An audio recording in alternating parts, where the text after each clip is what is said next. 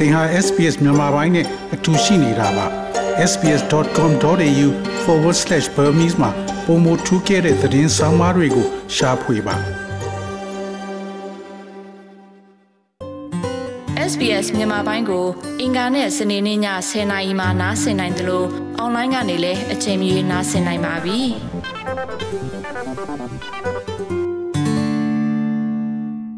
သောရရှိမြခင်ဗျာ ဇူလိုင်လ၁ရက်နေ့မှာဘန်ဒါယီနှစ်အသစ်စတင်ခြင်းဆိုသည်မှာဩစတြေးလျရဲ့ရွှေ့ပြောင်းနေထိုင်မှုအစီအစဉ်ရှိ နေရာများကို ပြန်လည်သတ်မှတ်ခြင်းဖြစ်ပြီးနိုင်ငံရခြားမှလူများအတွက်အခွင့်အလမ်းအသစ်များကို ဖွင့်လှစ်ပေးခြင်းလည်းဖြစ်ပါတယ်။သို့သောယခုနှစ်တွင် COVID-19 ကူးစက်ရောဂါကို တုံ့ပြန်တဲ့အနေဖြင့်တချို့သောဗီဇာကိုင်ဆောင်သူများအတွက်အဓိကပြောင်းလဲမှုတချို့ကို တင်ပြမှာဖြစ်ပါတယ်။ ဇူလိုင်လ၁ရက်နေ့တွင်ဗီဇာအပြောင်းလဲကြောင့်ဩစတြေးလျတွင် အမြဲနေထိုင်ခွင့်ရရန်ကျွမ်းကျင်လုပ်သားများအတွက်နီလန်းအသစ်များ working holiday အလုပ်အားလာရဲ့သတ်မှတ်သူများအတွက်နောက်ထပ်နေရာများနှင့် COVID-19 ကြောင့်ပြင်ပတွင် ပိတ်ထားခံရတဲ့ဘွဲရများအတွက်အခွင့်အလမ်းများကို ပေးမှာဖြစ်ပါတယ်။ရွှေပြောင်းအခြေချ agent Visa Envoy ရဲ့ရှေ့နေ Ben Ward ကအပြောင်းလဲများသည် COVID-19 မှစီးပွားရေးပြန်လည်နလန်ထူလာမှုကိုပံ့ပိုးပေးရန်အတွက်တချို့သူများအတွက်စိတ်လှုပ်ရှားပွဲကောင်းသောအလားအလာများကိုတင်ပြမယ်လို့ပြောဆိုပါတယ် It's very difficult for a lot of uh, people and a lot of industries to fill, fill uh, you know, staff shortages, especially in, in, in certain skilled fields like uh, the hospitality, but also the tech industry, the, the mining, the, the you know the farms. Uh, every single industry is, is having a lot of trouble filling. Uh, လူအများစုနဲ့စက်မှုလုပ်ငန်းအများပြားအတွက်အထူးသဖြင့်အဝတ်ပြုခြင်းကဲ့သို့သောကျွမ်းကျင်သောနယ်ပယ်တချို့တွင်ဝန်ထမ်းရှားပါမှုကိုဖြည့်ဆည်းရန်အလွန်ခက်ခဲပါတ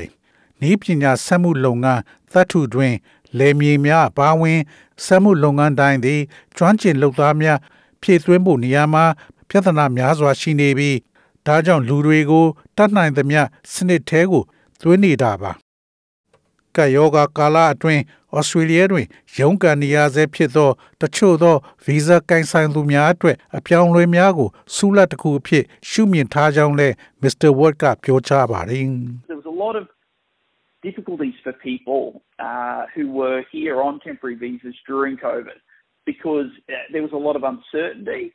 and it was also a lot of people lost their jobs or got stood down they were covid ကာလတွင်ယာယီဗီဇာဖြင့်ရောက်ရှိနေသောသူများအတွက်အခက်အခဲများစွာရှိခဲ့ပြီးမသေးချာမရေရာမှုများကြောင့်အလုတ်လက်မဲ့ဖြစ်ခြင်းသို့မဟုတ်အလုံးမရန်နာခံရသူများသက်သာချောင်ချီရေးမရှိနိုင်ခြင်းတို့ကြောင့်အခက်အခဲများစွာရှိခဲ့ပါတယ် ခက်ခဲတဲ့အရာတွေအမျိုးမျိုးသူတို့မှရှိခဲ့ပါတယ်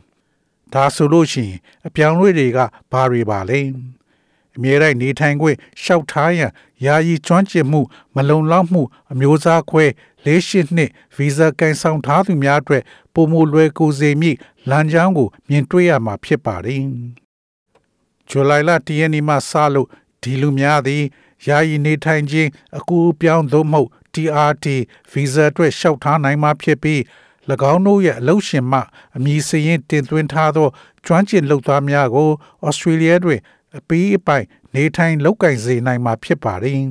။သို့သောအဆိုပါလမ်းသစ်သည်ယခုရက်စွဲမှစတင်၍နှစ်နှစ်အတွင်းသာအသုံးပြုနိုင်မှာဖြစ်ပါတယ်။ Work Visa Lawyer မှတွဲဘက်ရှေ့နေ Luke Edwards ကယာယီပြောင်းလဲမှုသည် Australia နိုင်ငံတွင် နေထိုင်ရရှိသော Visa ကန်ဆောင်သူများအတွက်ပုံမလို့အဆင်ပြေစေသင့်တယ်လို့ဆိုပါတယ်။ A lot of them were, were staring down maybe a hard and, and not very guaranteed pathway to, to permanent residency through the general skilled migration program. A lot of them, uh, you know, my, my clients and people I've heard from are, are very excited to now have the opportunity. သူတို့အများစုသည်ရေဘူးရကျွမ်းကျင်သောရွှေ့ပြောင်းနေထိုင်မှုအစီအစဉ်မှတဆင့်အမြဲတမ်းနေထိုင်ခွင့်အတွက်ခက်ခဲပြီးအာမခံချက်မရှိသောလမ်းကြောင်းဖြစ်နိုင်သည်ကို အများအပြားကစိုးရိမ်စိုက်ကြည့်နေပါတယ်။တော်တော်များများ ဖောက်တယ်တွေနဲ့ကျွန်တော်ကြားသိရတဲ့လူတွေကဩစတြေးလျမှာဆက်နေဖို့နဲ့အမြဲတမ်းနေထိုင်ခွင့်ရဖို့သူတို့လုံနေတဲ့အလောက်ကနေအခုအခွင့်အရေးရလို့အရန်စိတ်လှုပ်ရှားနေကြပါတယ်အရေးအချင်းပြည့်မီသူများရဲ့2020ခုနှစ်ဖေဖော်ဝါရီလ1ရက်မှ2021ခုနှစ်ဒီဇင်ဘာလ14ရက်နေ့အထိဩစတြေးလျတွင်အနည်းဆုံးတစ်နှစ်ရှိရန်လိုအပ်ပါတယ်။ ပြည်ထောင်ရေးဝန်ကြီးဌာနရဲ့ပြောရေးဆိုခွင့်ရှိသူတူက SPS News သို့ပြောကြားရာတွင်အထူးလိုက်လျောမှုသည်ကုဆက်ယောဂတလျှောက်ဩစတြေးလျတွင် နေထိုင်ရန်ရွေးချယ်ခဲ့သော အလွန်ကျွမ်းကျင်သောရွှေပြောင်းနေထိုင်သူများကို အသိမှတ်ပြုပြီးဩစတြေးလျနိုင်ငံသားဖြစ်ခွင့်လမ်းကြောင်းဖြင့်နေထိုင်ခွင့်ပြုတာဖြစ်တယ်လို့ပြောဆိုပါတယ်။နောက်ထပ်ပြောင်းလဲမှုသည်ဗီဇာကန်ဆောင်သူ 458ဦးအပေါ်သက်ရောက်မှုရှိမှာဖြစ်ပါတယ်။၎င်းသည် TRT ထုတ်လွှင့်မှုမှတဆင့်အမြဲနေထိုင်ခွင့်လျှောက်ထားခြင်းအားအသက်အလိုက်ကန့်သက်ထားတော့မှာမဟုတ်ကြောင်းလည်းပြောဆိုပါတယ်။ရခင်ကအသက်45နှစ်နဲ့အထက်ဗီဇာကိုင်ဆောင်သူများသည်အမြဲတမ်းနေထိုင်ခွင့်ကိုရရန်အလွန်ကန့်သက်ချက်များကိုရင်ဆိုင်ရသလိုသို့မဟုတ်နီလန်လုံးဝမရှိခဲ့ကြောင်း Mr. Edward ကပြောကြားပါတယ် been working in Australia for uh, a, a very long time now, sponsored by their employers, um, and they've you know weren't able to achieve permanent residency for one reason or another while they were younger. သူတို့ရဲ့အလုပ်ရှင်များကကမကထပြုပြီးဩစတြေးလျတွင်အချိန်အတော်ကြာအလုပ်လုပ်ကင်နေသူများရှိပါတယ်။၎င်းတို့ဟာငယ်ရွယ်စဉ်တွင်အကြောင်းပြချက်တစ်ခုသို့မဟုတ်တခြားအကြောင်းတစ်ခုကြောင့်အမြဲတမ်းနေထိုင်ခွင့်ကို မရရှိနိုင်ခဲ့ပဲယခုအခါစနစ်အတွင်းမှာမဝင်နိုင်တဲ့အသက်အရွယ်ကို ရောက်ရှိနေပြီဖြစ်ပါတယ်။ဟုတ်တယ်ဒီအပြောင်းလဲကသူတို့မျှော်လင့်ထားတဲ့အရာတစ်ခုပါ။ဤရွေးချယ်မှုကိုလိုက်စားရန်အသက်ကန့်သက်ချက်မရှိသော ပြောင်းလဲမှုသည်နှစ်နှစ်သာအသုံးပြုနိုင်မှာဖြစ်ပါတယ်။အသက်ကင်းလဲခွင့်ပြောင်းလဲမှုအတွက်အရေးချင်းပြည့်မီရန်လူများသည်2020ဖေဖော်ဝါရီလ1ရက်မှ 2021ခုနှစ်ဒီဇင်ဘာလ14ရက်နေ့ကြားတွင်ဩစတြေးလျမှာရှိနေရမှာဖြစ်ပါတယ်။မကြသေးမီကဘွဲရများအတွက်လည်းအပြောင်းအလဲများရှိပါတယ်။ COVID-19 ခီးသွွာလာမှုကန့်သက်ချက်များကြောင့်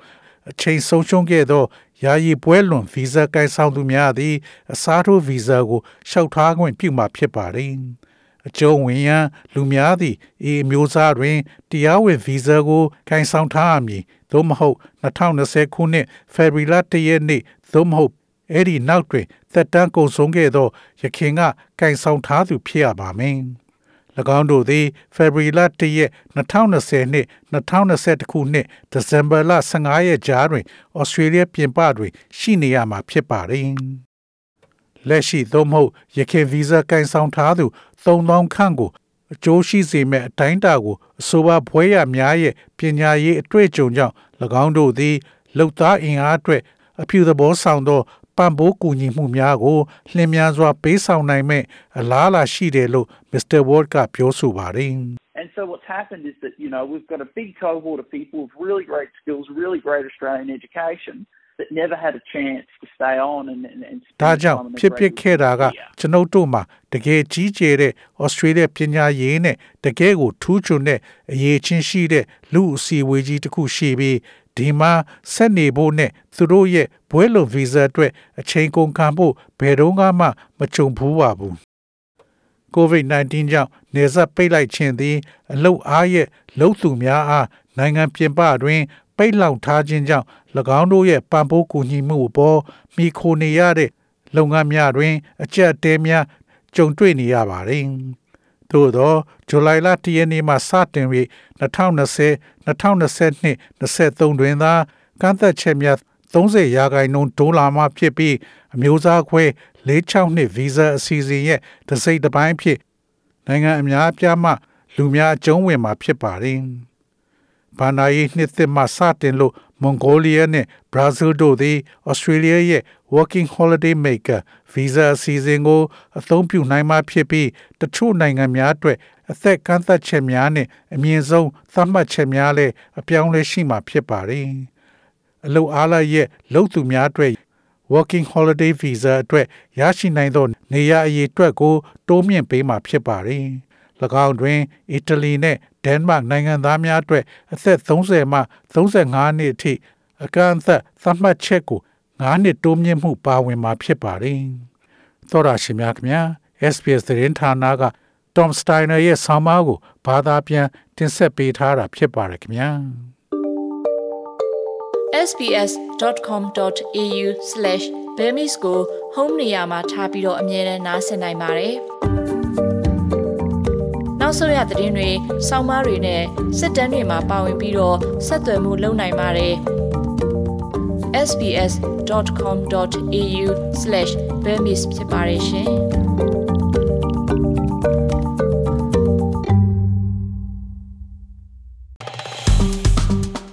SPS မြန်မာပိုင်းကို Facebook ပေါ်မှာ like ရှာပြီး like မျှဝေမှတ်ချက်ပေးပါ